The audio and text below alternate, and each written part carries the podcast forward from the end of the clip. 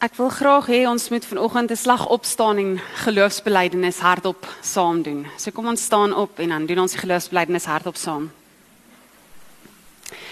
Ek glo in God die Vader, die almagtige, die skepper van die hemel en die aarde, en in Jesus Christus, sy eniggebore seun, ons Here, wat ontvang is van die Heilige Gees, gebore is uit die maagd Maria wat gelei het onder Pontius Pilatus, gekruisig is, gesterf het en begrawe is en ter helle neergedaal het. Wat op die 3de dag weer opgestaan het uit die dode, wat opgevaar het na die hemel en sit aan die regterhand van God, die almagtige Vader, van waar hy sal kom om te oordeel die wat nog lewe en die wat reeds gesterf het. Ek glo in die Heilige Gees Ek glo aan 'n heilige algemene Christelike kerk, die gemeenskap van die heiliges, die vergifnis van sondes, die opstanding van die vlees en 'n ewige lewe. Amen. Hoekom? Want ons moet 'n slag sê wat ons glo as ons praat oor geloofsgroei. En dit is wat ons glo, dit is die basis wat ons glo in 'n opgesomde weergawe. Nou laasweek het ons gesels oor geestelike groei en ons het gepraat spesifiek oor vyf goeders wat Jesus kom sê het julle dink die wêreld se groei sê dit is wat groei is. Ek sê vir julle groei lyk like anders as jy 'n Christen is. Jou geestelike groei lyk like anders as wat 'n maatskappy groei. 'n Kerk se groei moet anders lyk like as wat jou Facebook page se groei lyk. Like. Nou in die eerste plek staan daar, dit gaan allereers oor verhoudings, nie oor kennis nie. So jy moenie net nog boeke lees om meer kennis bymekaar te maak nie, want hoe meer kennis jy het, hoe belangriker is jy. Maar hoe meer jy op verhoudings fokus, hoe belangriker is ander mense vir jou. Die tweede ding daarso is, dit gaan nie oor minder, ag, dit gaan oor minder word, nie meer word nie. Nou ons gaan vandag so 'n bietjie meer oor dit sê, maar spesifiek, dit gaan nie ons moenie ons gemeente se groei meet aan meer getalle, meer geld, want dit is hoe ons 'n maatskappy groei. In die kerk gaan dit oor minder myself, meer Jesus. Die derde ene, dit gaan oor om te dien en nie om gedien te word nie. So dit gaan nie oor net kom sit in die erediens en sê maar wat kry ek hier uit nie. Dit gaan ook oor maar wat kan ek kom bied in die erediens of by die kerk vir jouself, jou eie geestelike groei. Dit gaan nie oor hoeveel mense onder my is en sien maar is jy is nou 'n kerkraadslid of jy is nou hierdie geestelike leier of wat ook al nie. Dit gaan oor hoe dien ek mense. Jesus het by sy disippels se voete gaan sit en dit gewas. Die vierde ding is dit gaan oor nederigheid, nie belangrikheid nie. So dit skakel nogals redelik in by die vorige ene. Ons kan daai geloofsbelijdenis met soveel oortuiging opsê. Jy kan hom uit jou kop uit opsê en jy kan al die regte woorde hê en baie belangrik klink. Maar as jy nie nederig is en besef dit is 'n ding tussen jou en God nie. Dit gaan nie oor wat mense sien en hoe mense jou sien nie. Dan mis jy die punt. So nederigheid is belangrik, nie belangrikheid nie. Die laaste een sê dit gaan oor wat ons doen en nie slegs net oor wat ons glo nie. Want weer eens is dit maklik om 'n geloofsbelijdenis op te sê en is minder maklik om daai geloofsbelijdenis te gaan leef of vanuit daai geloofsbelijdenis uit te leef. OK. Ek gaan nou so 'n oomblik gee. Lees so 'n bietjie oor elkeen en dink so 'n bietjie oor elkeen voordat ons dan by Kolossense 3 gaan uitkom vanoggend.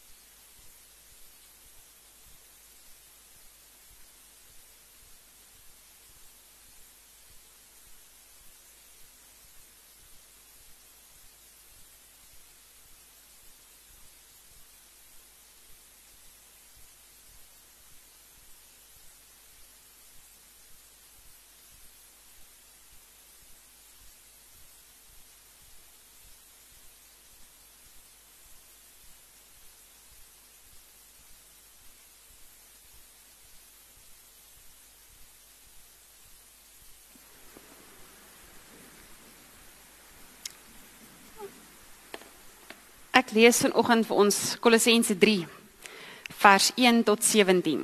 As julle julle Bybels daar oopmaak. Nou ek het dit laasweek het ek ook die the message vertaling van dit gelees en dit is ook die lied wat ons nou mee geëindig het is hierdie woorde. Julle gaan dit hoor ook. Maar kom ons lees Kolossense 3 vanaf vers 1 tot 17. As julle dan saam met Christus opgewek is, streef na dit wat daarbo is waar Christus aan die regterhand van God sit. Bedink die dinge daarbo, nie die dinge op die aarde nie.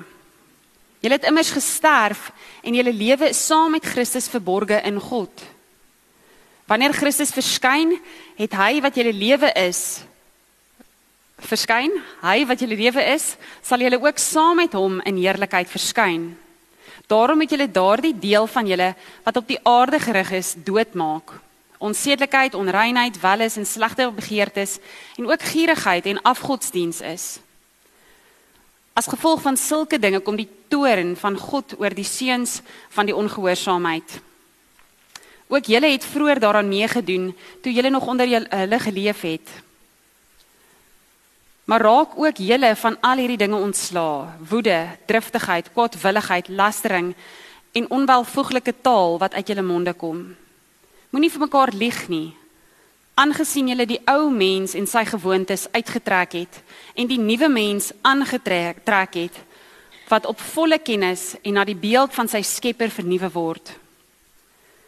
By die nuwe mens is daar nie onderskeiding soos Griek of Jood, besnedene of onbesnedene, barbaar of skiteer. Ek gaan nou vir julle verduidelik wat daai woord is. Slaaf of vry persoon nie, maar Christus is alles en in almal. Ek is met die 2020 vertaling besig. So as jy dit vreemd klink, is dit hoekom? Daai skiteer, dit was 'n bevolking wat baie barbaars was in die tyd van die Bybel. So as hulle praat van die skiteers, is dit nou die ouens wat jy is nie meer wil meng nie, wat die gangsters. Daarom omdat julle God se uitverkore heiliges en geliefdes is, bekleë julle self met die innige meelewing, goedheid, nederigheid, sagmoedigheid en geduld. Verdra mekaar En as enige iemand 'n klagte teen iemand anders het, vergewe mekaar. Soos die Here julle vergewe, moet julle ook vergewe. Maar bekleë julle bo en behalwe al hierdie dinge met die liefde wat die band is wat alles volmaak saambind. Verder, laat die vrede van Christus in julle harte regeer. As lede van een liggaam is julle juis daarop geroep. En wees dankbaar. Laat die woord van Christus in sy volle rykdom in julle woon. Leer en vermaan mekaar in alle wysheid deur met dankbare harte psalms, lofgesange en geestelike liedere tot eer van God te sing. En wat julle ook al doen in woord of daad, doen alles in die naam van die Here Jesus terwyl julle God die Vader deur hom dank. Net tot sover. Hierdie bly maar een van daai tekste wat mens eintlik weer en weer en weer wil lees om net mooi te hoor wat die Here sê. Hier is almal gelyk. Maar wat moet ons doen? Wat moet ons nie doen nie? Want as ons nou laasweek se preek vat en ons het nou al hierdie kennis en ons het nou geloofsbelijdenis opgesê, wat help dit ons om die geestelike groei onderwerp onder die knie te hê, nê? Nee, ons het nou al hierdie kennis. Ons kan nou die hele ding mooi kan vir julle vra wat is daai 5 punte en julle gaan hulle vir my almal kan opsê want ek het julle tyd gegee om te memoriseer. Né? Nee? Nee, ek spot sommer. Maar wat help dit? Ons het al hierdie kennis maar ons doen nie iets daarmee om elke dag te leef en elke dag geestelik te groei nie. So dis hoekom ons vandag gaan kyk na 5 maniere wat ons daagliks elke dag iets prakties wat ons kan doen om geestelik te groei om volgehou geestelik te groei, om elke dag te kies om te groei. Maar kom ek begin sommer om net alle teleurstelling te voorkom en dit baie duidelik te maak. Ek gaan vandag vir julle niks nuut sê nie. So ek is baie jammer, julle gaan nie 'n uh, "Haai, ek het dit nog nooit gehoor nie" oomblik hê nie. Ek gaan vir julle niks nuut sê nie. En in die tweede plek, Ek gaan ook nie vir julle kits oplossing gee nie. Ek gaan ook nie vir julle sê, "Ha, doen net hierdie ding elke oggend vir 5 minute en dan gaan jy geestelik groei." Ek is jammer, dit is nie so eenvoudig nie. Dit is nie 'n groeihormoon wat ek vir julle kan gee en sê, "Hoe, dis hy mooi gegroei nou nie." Om geestelik te groei vat werk. Dis moeite. Maar ek beloof dis lekker en is die moeite werd. OK. Die eerste ene.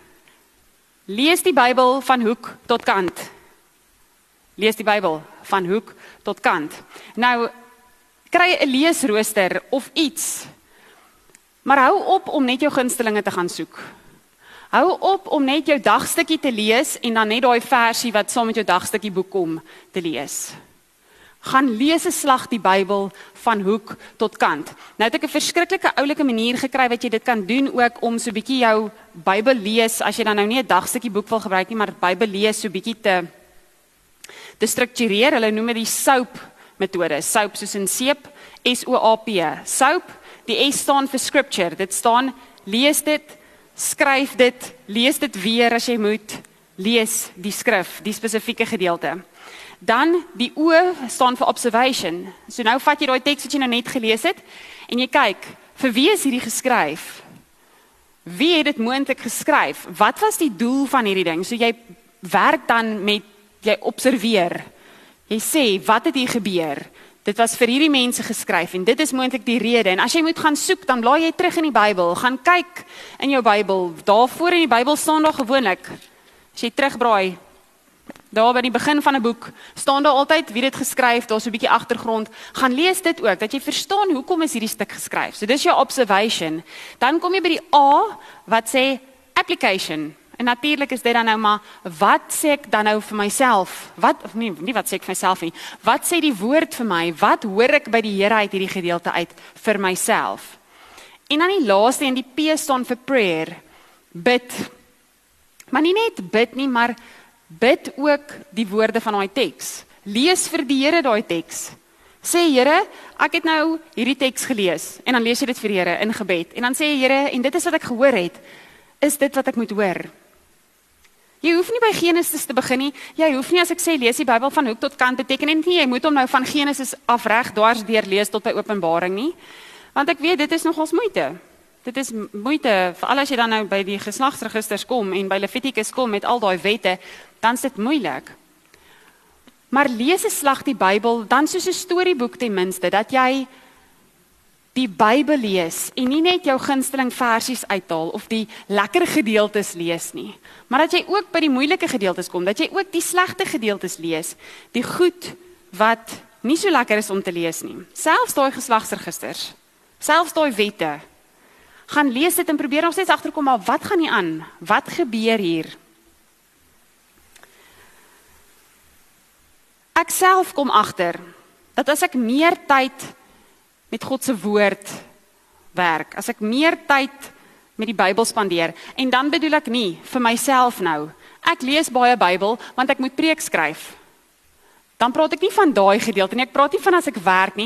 Ek praat van as ek Nadia moeite doen om baie meer Bybel te lees en regtig te lees om te hoor wat die Here vir my sê en nie net vir wat ek moet werk, preek werk nie. Dan is dit vir my ongelooflik interessant hoe baie die Here my opinies uitdaag en vir my sê Nadia regtig, is dit wat jy altyd gedink het? Kom ek gooi vir jou hier 'n ding in. Dink bietjie net hieroor. Die Here verander ons denke. Hy laat ons nie dink, maar dan moet ons sy woord lees. En nie net dit lees wat ons dink ons ken nie, ons moet gaan grawe dat ons dit leer, dat ons dit ken. Want so groei 'n mens in jou verhoudings. So leer ken jy jouself beter. So leer ken jy God beter. Paulus skryf in 2 Timoteus 3 vers 16 tot 17. Dan skryf Paulus vir Timoteus: Elke skrifdeel is deur God geïnspireer en is nuttig vir onderrig, weerlegging en teregwysing en opvoeding om God se wil te gehoorsaam, sodat die mense wat aan God behoort bekwam kan wees ten volle toegerus vir elke goeie taak. So, Lees jou Bybel, ken jou Bybel, grawe want dan eers is jy toegerus vir elke goeie taak. Want dit is deur God geïnspireer. Hierdie woord. Die tweede ene. As jy nou klaar jou Bybel van hoek tot kant gelees het, volgende week gaan ek vir julle vra of julle die Bybel van hoek tot kant gelees het, hoor? Nee, ek spot, dit vat bietjie langer as dit. Daar's 'n rede hoekom daar goed soos 'n 1 jaar Bybel of 'n 1 jaar program is om deur die hele Bybel te werk. Maar ek sê die die die ehm um, vir al die Ou Testament.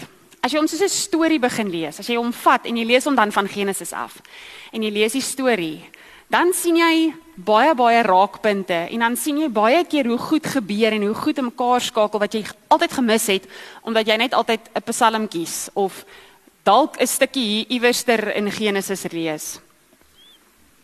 Maar okay, kom ons kom by die tweede ene. Om geestelik te groei, moet jy mense jou agenda en jou kalender maak. Nou hoe doen 'n mens dit?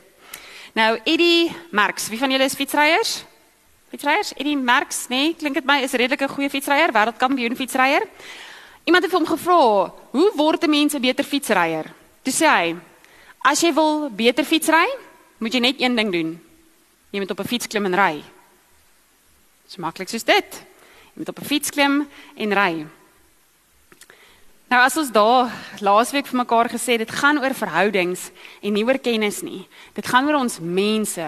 Dit gaan oor die mense wat hier langs jou is, om jou is, saam met jou werk, saam met jou leef. Hulle moet die fokus wees. Dan moet jy dit doen. Dan moet jy op daai fiets klim en fiets ry. Want verhoudings is waar jou geestelike groei uitgedaag word, waar dit getoets word, waar jy kan meet groei ek geestelik of nie. Dit maak mos dan nou sin om mense jou eerste prioriteit te maak. Nie die nuutste kursusse of klubs of konferensies of sulke goeders nie. Ek het 'n verskriklike mooi ding gelees oor geestelike groei. Hulle sê stikkende en morsige verhoudings is die speelveld vir geestelike groei.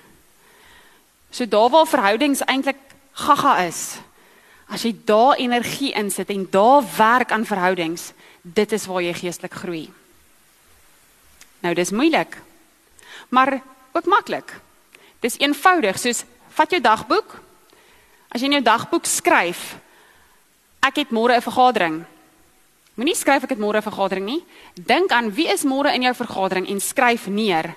Ek het môre 'n ontmoeting met persoon A of B. Dit is 'n vergadering, ja, ek weet maar fokus op die persoon sê dit is die mens met wie ek môre te doen het. En pak dan ook jou vergadering so aan dat jy met 'n mens besig is en nie net met 'n klomp sake besig is nie. Nou 'n vergadering is 'n moeilike ding om om te gebruik as 'n voorbeeld, maar kom ons vat ons gesinne. Veral nou, julle my hart begin al ek kry sulke hartklopings as ek dink aan die skool moet begin en hoe besige mense dan raak en hoe mense dan by mekaar verby begin leef. Dat as jy in jou gesin in totaliteit by die huis kom, is almal of moeg of geïrriteerd en dit is net bad, is jy hulle gebad, is jy klaar skoon, het jy geëet, is die kos gemaak? Kom ons hoe laat is dit nou? O, dis al slaaptyd. Maar doen bietjie moeite in jou gesin om dan nou maar die TV af te sit en om 'n tafel te eet En dan vra vir mekaar bietjie slag vra, interessante vrae, want ons dink ons ken mekaar. Maar dan vra jy op 'n dag 'n vreemde vraag vir jou kinders en dan sê jy soos: "O, o, is dit jou antwoord? Ek sou dit nooit geraai het nie." So maak tyd vir jou huismense. Maak 'n lys van vrae van alledaagse goeie soos: "Wat is nou jou gunsteling ding om te doen? Wat is nou vir jou die lekkerste ding om te eet?" Wat is jou wat is 'n liedjie sal jy nou wil luister as jy nou enige liedjie kon luister? Sulke random goed. Daar's 'n verskriklike lekker speletjie, Would you rather. Ken julle dit?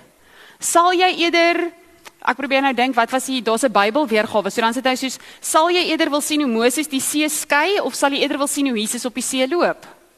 Dis een van die vrae. En dan praat met mekaar. Sê maar hoekom wil jy sien Jesus loop op die see? Of hoekom wil jy sien Moses skei die see?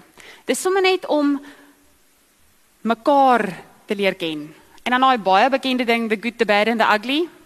Deel dit met mekaar. Wanneer los julle dit gedoen? Wanneer los julle aan die einde van die dag gesê wat was vir jou goed van hierdie dag?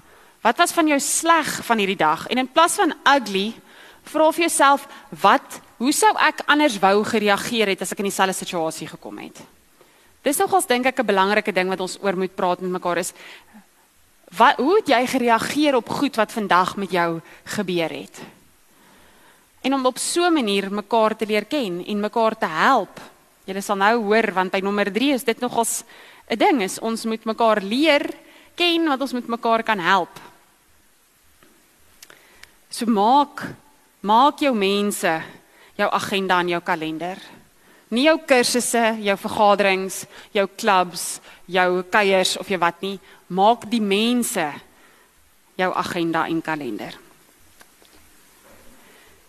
Die derde ding prakties om elke dag prakties geestelik te groei is om na ander mense se opinies van jou te luister. Louis Brits het dit so bluntly gestel. Hy het gesê: Moenie bekommerd wees oor geestelike groei nie. God sal jou ego vermoor en hy gaan mense gebruik om hom te help. Ek het nogal gedink dis is baie waar gesê. God gaan jou ego doodmaak. Jy kan maar okay, en hy gaan nog mense gebruik om jou te help ook. Daai hele ding van nederig wees en nie belangrik nie kom ten volle in werking as ons bereid is om na ander mense se opinies oor ons te luister. Maar ai, dit is moeilik want ek wil op my perdjie klim. As iemand iets negatiefs van my sê, dan wil ek begin beklei of ek wil myself verdedig of ek wil sê hoekom ek dit so gedoen het. Ek hou nie van kritiek nie. Wel, min mense doen. Mens hou nie van kommentaar nie. Selfs dan lewer iemand net kommentaar en dan trek jy dit sommer aan as dit was nou kritiek teen my. En vir 'n een of ander duistere rede is dit juist die mense naby aan ons wat 'n verskriklike mooi helder blik op ons blinde kolle het. Né? Nee? Sal een wat saam met jou in die huis bly wat vir jou mooi kan sê waar is jou blinde kol en dan wil jy eers op jou perdjie klim as dit die een naaste aan jou is wat jou kritiek lewer. Daar was 'n man met die naam Ray Dalio. Ek dink dit is hoe mense dit uitspreek. Dis D A L I O, Dalio. Hy het in die 80s, toe hy 'n opkomende banker, ek weet nie wat dit is Amerikaanse taal, maar hy het in die in die aandelebeurs daai deel gewerk. En hy het daar voorspel dat die aandelebeurs gaan val en vou en dit gaan totale chaos wees. Hy het dit voorspel. En so wyd en suid as wat hy gegaan het, het hy verkondig dat hy voorspel dat dit gaan gebeur. And he put his money's money where his mouth was. Hy het gedoen toe nou wat hy gesê het hy voorspel gaan gebeur. So hy het sy geld op ander plekke belê en toe vou die mark nie. Toe is dit in die 80s is daai mark toe gegroei dat dit bars. Dit was die beste jaar omtrent ooit. Die jaar wat hy voorspel het dit gaan vou. Wat het toe met hom gebeur? Hy het alles verloor. Hy was heeltemal bankrot geweest. Hy het teruggetrek na sy pa se huis toe. Sy pa moes hom help om groceries te koop. Hy het niks meer oor gehad nie. As jy vandag hierdie persoon, Ray Dalio, gaan opsoek, het hy 'n hedge fund fund, soos 'n hedge fund, Engelse woord, van oor die 1 triljoen dollar. Hy was dan nou net bankrot. Hoe het hy 'n hedge fund vandag van oor die 1 triljoen dollar? Een van die grootste hedge funds in die wêreld. Weet julle wat het hy gedoen? Toe hy toe nou hier rock bottom tref. Toe besef hy hy het 'n fout gemaak want hy het net na homself geluister. Toe begin hy vergaderings reël en hy kies spesifiek mense wat nie met hom saamstem nie. Hy hou spesifiek vergaderings en hy sê vir die mense hulle moet vir hom sê waar is hy verkeerd.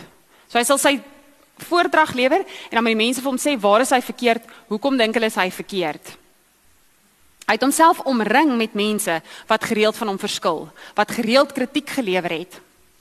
Want hy het besef, hy moet die gate in sy eie logika moet hy kan raak sien. En dit is hoe hy toe op die ou ende so suksesvol geraak het want hy het geluister na mense se kommentaar. Hy het geluister na die kritiek wat mense vir hom gegee het. Nou Kolossense sê Kolossense 3 sê daar leer en vermaan mekaar in alle wysheid deur met dankbare harte psalms, lofgesang en geestelike liedere tot eer van God te sing. En dit is vir my die sleutel om met dankbare harte terwyl jy lofgesange en psalms sing in jou hart dan vermaan jy dan leer jy mense. So wanneer ons in liefdevolle gesprekke wat oorloop van aanvaarding en vergifnis as ons in sulke gesprekke betrokke raak dan kan jy maar kritiek van jou hartsmense aanvaar en luister. Want ek sê nie luister na alle kritiek wat na jou kant toe kom nie Ek sê nie luister na alle kommentaar wat mense in jou rigting gooi nie. Want dit is ook nie wys nie. Dit is ook nie wys om te luister na alles wat almal sê nie. Maar kies jou hartsmense. Kies daai mense naby aan jou wat 'n baie duidelike blik op jou blinde kolle het. Kies vir wie jy gaan luister en luister dan as hulle in liefde na jou toe kom en sê, "Hoorie, maar ek dink dit en dit het jy verkeerd gedoen." Of ek dink jy moet dit of dat probeer. En luister dan vir hulle. Moenie op jou perd klim en wil beklei en wil sê maar hoekom hoekom het ek dit so gedoen nie. Luister en dink maar hulle praat uit 'n plek van liefde uit met my. Miskien moet ek dit luister en dit doen wat hulle vir my voorstel. So, elke liewe dag luister na mense se opinies van jou. Luister dat jy die gate in jou eie logika soos ry kan raak sien en dat jy dan geestelik kan groei. Want dit is baie keer ons eie idees en vooropgestelde gedagtes wat jou keer om 'n goeie verhouding met die Here te hê wat keer dat jy geestelik groei want jy blok jouself. OK, nou kom ons by punt 4. Wie is die minste? Regtig, wie is die minste? Dit gaan regtig oor minder word en nie meer word nie. Nou hierdie is so 'n amper half 'n klise ding geword dat mense dit sê, maar hulle leef dit nie of vir ons is dit net 'n ding van soos ek sê dit net nie eers meer nie. Ons Nee. Weet julle wat is die grootste godsdiens na Christendom of eintlik nog voor Christendom? Is dit die grootste godsdiens in die wêreld? Wat is die grootste Christendom in die godsdiens? Godsdiens in die wêreld? Nie Hindoeïsme of Moslem of enige ander godsdiens nie, maar die ek, die ek godsdiens. Die ek is belangrik godsdiens. Die verafgod van diself, as ons dit so kan stel. Dit is die grootste godsdiens in die wêreld. Ek verdien dit. Ek verdien dit. Ek het daarom hard genoeg gewerk. Ek mag maar 'n slag dit of dat doen. Ek mag myself maar 'n bietjie op 'n troon sit en neerkyk op ander mense want ek het daarom nou ek verdien dit. Dit is ek en ek en ek. Om die minste te wees is sekerlik een van die goeders wat ja, dit het eintlik uitgesterf die afgelope paar jaar. Dis 'n ding wat stadig besig is om uit te sterf. Want um, nou sal ek nog die minste wees, maar ek wil tog hê almal moet kan sien dat ek die minste was, dat ek iets gedoen het vir iemand anders. Het julle gesien? Ek het dit gedoen vir iemand anders. Om die minste te wees, om nederig te wees is 'n besluit. Dis 'n besluit wat jy elke liewe dag moet neem. En dan praat ek nie van wees 'n vloerlap dat mense oor jou loop nie. Dit is nie wat ek sê nie. Wat ek bedoel met om die minste te wees is om elke liewe dag te kies om hierdie eie ekkigheid so bietjie op sy te skuif, te sê dit gaan nie oor my nie. Ek gaan iets vir iemand doen sonder om iets terug te verwag. Sonder dat ek verwag dat hulle iets vir my gaan doen. Ek gaan sommer net vriendelik wees met iemand. Ek gaan sommer net vir 'n kar wag of vir die hek wag of vir wie ook al 'n koeldrank gee ek gaan sommer net iets doen. En ek gaan dit nie gaan verkondig vir almal nie. Gaan nie vir almal gaan sê ek het dit gedoen dat hulle kan dink, ooh, sy sterm nou oulik. Nee. Ek gaan dit doen omdat ek minder van myself wil wees en meer van Jesus wil wees.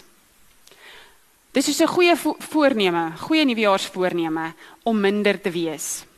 Maar asseblief tog moenie maandag eers begin nie. Moenie eers sê okay volgende maand. Nadia, ek sal in Februarie begin. Geen net vir my Januarie nog. Ek wil nog net bietjie myself hier pamper lang na die Kersseisoen. Ek wil nog net bietjie op myself fokus. Nee, nou.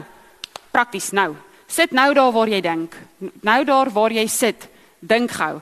Wat kan jy vandag vir iemand anders doen? Sonder om dit te verkondig, sonder om vir enigiemand te sê, sonder om iets terug te verwag. As jou vrou gewoonlik die kos maak of andersom as jou man gewoonlik die kos maak, mag jy dalk nou vandag sê maar, "Haai, ek sal instaan vir die kos." En ek sal die kombuis ook nog skoon maak vir jou. En dan, nê, nee, luister nou gou-gou mooi. Hier staan nou in Kolossense 3, ons moet dit met 'n dankbaar hart met ons goeders doen, okay? Maar selfs as jy so iets doen, moet jy nie eers verwag dat daai persoon vir jou moet dankie sê nie. Die dankie sê is daai persoon se verantwoordelikheid. Dit het niks met jou te doen nie. Jy moet selfs iets doen sonder om te verwag dat iemand vir jou gaan dankie sê. Dit is 'n bietjie next level want ons doen goeders en dan leer ons ons kinders sê dankie. Nou okay, dis dis 'n belangrike ding want hulle moet leer om dankie te sê, maar dink nou aan iets. Wat gaan jy vandag vir iemand doen en jy gaan nie eers verwag dat hulle vir jou dankie sê nie. En as jy dit dan nou reg gekry het, doen môre weer iets. Maar nie dieselfde ding nie, doen nou iets anders. En dan Dinsdag doen jy weer iets. Maar kies elke dag iets wat jy gaan doen sonder om 'n dankie te verwag. En sonder om as daai persoon nie vir jou dankie gesê het nie te voel maar ek gaan dit nooit weer doen nie. Hulle het nie eens my dankie gesê nie. Want dit gaan nie oor jou nie. Onthou nou weer. Dit gaan nie oor ek nie. Dit gaan oor jy. Oor daai persoon. En ek beloof julle jy gaan verbaas wees hoe lewendig jou verhouding met die Here word as jy die ek afsit en op ander plekke begin fokus. As jy jou eie belangrikheid minder maak, want dan gaan jou gebed ook begin verander dan gaan jou gebed begin verander want dan gaan jy nie net dink en bid oor jou eie probleme en jou eie goeders nie, maar jou fokus gaan op ander mense begin val. En dit is amazing wat dit aan jou verhouding met die Here doen as jy ophou op jouself fokus. Want om so daai afgod, daai afgod te hê, maak dat jy so op jouself fokus dat selfs wanneer jy bid, is jy eintlik net met jouself besig. Dan sê jy, Here, jy is maar net eintlik hier so on the sideline, maar ja, En dit is dan nou wat ons by punt 5 kom. Die vyfde een van die geestelike groei is gesels met Jesus. Nou ehm um, dit is van selfsprekend ek is 'n Christen ek bid dan. Maar ek bedoel nie dieselfde met die lees jou Bybel van hoek tot kant, jou beplande bid. As jy nou Bybelstudie hou en jy gaan nou bid. Ek bedoel nie dit nie. As ek praat van gesels met Jesus beteken dit gesels met hom soos 'n goeie vriend. Jy moet actually tyd maak dat jy kan hoor wat die Here ook sê. Jy moet ophou om net vrae te vra. Vra 'n bietjie minder vrae. Vra 'n bietjie minder, Here asseblief help dit, asseblief doen dit. Nou dis weird, dit klink weird, want altyd as ek sê gee die Here kans om te luister, is dit dan hy sê hallo Here? Ha? Ek hoor niks. Wat wat bedoel ek? Wat bedoel ek as ek sê gee kans om vir Jesus te luister? Gesels met Jesus. Dit is hê 'n intieme verhouding met die Here. Praat met hom soos wat jy met 'n vriend sal praat. Hê 'n verhouding met hom asof jy weet. Ons weet dit. Asof jy weet hy is elke dag heeltyd by jou. Praat met hom. As iemand voor jou inry en jy vloek kliphard in jou kar. Dan moet jy dink, "O, frek, sorry Here, maar iets gesien wat nou gebeur het, nê?" Nee? Soos my bad. wat ek bedoel is soos ek het so gelag gister was ek by 'n partytjie gewees van 'n vriendin van my wat verjaar het. En kan ek vir julle sê, hoeveel keer is dog sê, oh, "Sorry Dominie." Oh, want al haar vriendinne ken nie vir my nie. So hulle sê, "Ooh, ek kan nie dit vir die dominee sê nie." Of soos jy moet ek soos die gesprekke gehoor van wat by die vorige partytjies gebeur het, maar solank as wat ek daar was, het hulle almal baie mooi net een glas wyn gedrink. Hulle het nie 'n tweede glas wyn gegooi nie, want die dominee is in the house. Ek sê so. Okay. Maar wat as ons so begin leef vir die Here? Verstaan soos nie Nadia nie, maar as ons as ons goeders doen en op daai oomblik ons weet dit was iets verkeerd dat ons sê, "O, oh, frek, sorry Here." Of Here, ek gaan nou regtig, ek gaan nou 'n tweede glas wyn drink. Jesus wil daar wees waar dit ook ongemaklik is vir ons vir hom om hom daar te hê. Hy wil hê ons met met hom in gesprek tree ook daar waar ons eintlik so 'n bietjie skaam kry oor hoe ons opgetree het of as ons op ons lekkerste som met ons vriende kuier. Hy wil ook daar wees. Hy wil ook hê jy moet daar met hom gesels. Nee, asseblief moet nou nie weer wees soos dit en by 'n vreemde partytjie of met 'n klomp mense sit en hier 'n gesprek met die Here voer nie want dan gaan die mense dink jy het te veel wyn gedrink. Maar soos daar, soos as jy sit en kuier saam met jou vriende en dis vir jou lekker en sê Here, dis lekker, nee. Soos, hè? Nee? As ek sê gesels met Jesus, is dit nie net 'n ek bid in die oggend as ek opstaan en ek bid in die aand as ek in die bed gaan klim nie. Dan is dit 'n verhouding met die Here. Dan is dit 'n ek deel met hom die klein, die groot, die sleg, die goed. Dan sit ek met hom en ek sê Here, die beste van my dag was dit. Die slegste van my dag was dit. Ek moes eintlik hier so 'n bietjie anders opgetree het. Ek dink as ons net oor die ongemak en die weirdness kan kom van so 'n verhouding met die Here, kan dit ongelooflike goeie goed vir ons wees. Kan dit vir ons so lekker wees om om so 'n vriend te hê. Weet jy hoe lekker moet dit wees om dit is lekker. Ons moet dit net begin doen om 'n vriend te hê wat nou nooit veroordeel nie, wat nooit vir jou gaan kwaad eers wees nie, wat altyd net wag dat jy met hom praat. Wat jy nooit gaan nag nie, wat nooit aan jou gaan karring nie, oh, wat partykeer doen hy. Partykeer sê hy soos, "Hallo?" Ek sê hy daai ja, partykeer karring hier aan 'n mens. Maar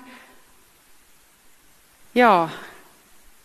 Want ek vind myself ook, veral as jy skool nou begin en wag selfs as die afgelope week wat jy raak so besig met die besige lewe dat jou verhouding met God so half terloops raak. Dit is 'n ding wat jy net in die oggend en in die aand aan aandag gee. Uh partykeer is in die aand iemand die raak so met die kinders in die bed aan die slaap of dit is net so ja, ek is 'n Christen daar in die agterkop. Dan skep ons die Here af, dan skep ons ons gesprekke met Jesus af want ons raak net so besig.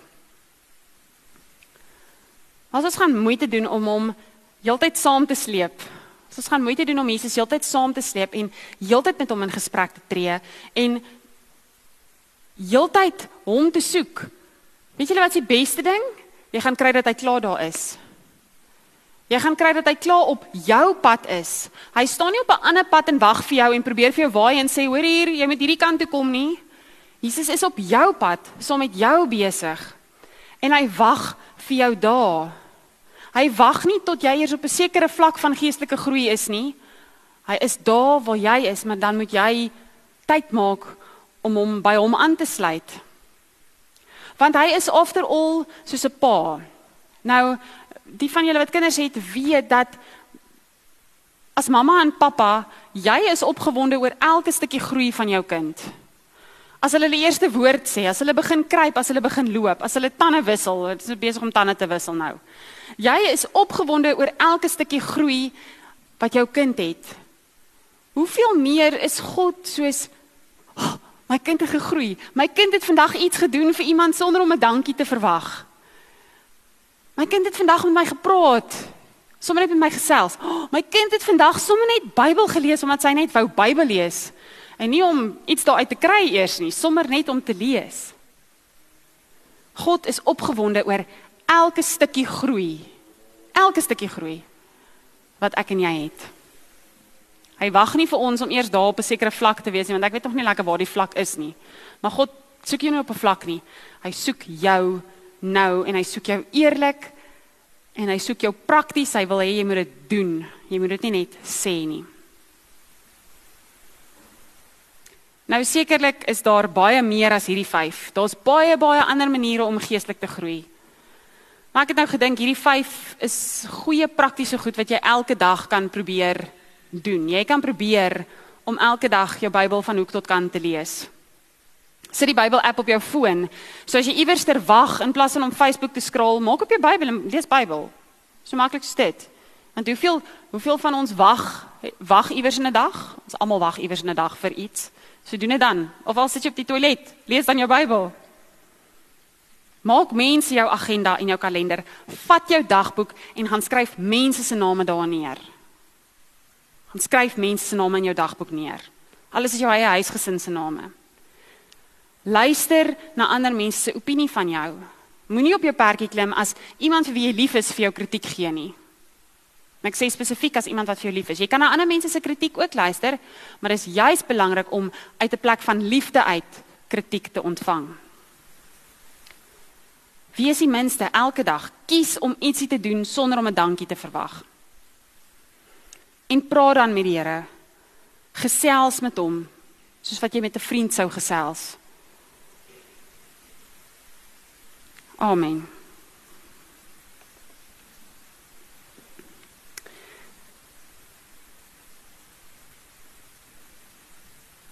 Sjoe.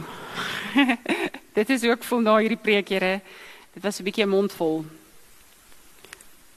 Maar Here, dankie dat ons kan prakties raak. En Here, ek is jammer dat ons dikwels 'n uh, kitsoplossing soek. Dat eintlik het ons nou hierdie preek gehoor en eintlik weet ek nie of ek dit môre alles gaan doen nie. Want ons wil graag hê dit moet makliker wees om te groei, Here. Ons soek liewer maar 'n groeihormoon om ons geloof ook te laat groei. Maar Here, ek bid vir elke persoon wat vanoggend hier is, myself inkluis dat ons sal erns maak met geloofsgroei en dat ons eintlik Here gaan dit nie oor geloofsgroei nie. Eintlik gaan dit oor hoe lyk my verhouding met U? Watse tipe mens wil U hê moet ek wees en hoe leef ek dit? Dit is wat dit is, Here. En Here, ek bid vir elkeen van ons 'n lewendige, intieme verhouding met U. Wat gereeld gesels, wat gereeld Bybel lees om U beter te leer ken. Wat bereid is om die minste te wees.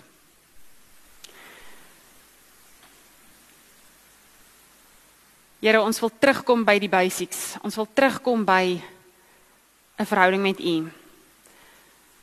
Ons wil terugkom by Here, hoe moet ek leef? Hoe moet ek leef elke dag? En Here, U verwag nie van ons 'n perfect score nie. U verwag nie van ons dat ons hierdie vyf goedjies elke dag moet aftik van ons lyfie lysie en ons moet sê, "Yes, ek het dit perfek reg gekry nie." Dit is ook nie wat U wil hê nie. U soek nie 'n 'n lysie wat afgetik word nie. U soek opregte, eerlike mense wat stikkend is. Wat bereid is om in morsige verhoudings te groei. En Here, dankie dat U ons op ons pad kom kry. Dat U ons in ons morsige verhoudings kry. Dalk is ons verhouding met U morsig, Here, maar dat U ons daar kom ontmoet en dat U nie van ons verwag om eers 'n ent verder te wees in ons geloof nie. So Here, vat ons hande en help ons om prakties te raak in ons elke dag se uitoefen van Christen wees. Dat ons ophou om 'n ek godsdienst te leef, maar dat ons regtig 'n u godsdienst begin leef. In Jesus naam bid ek dit. Amen.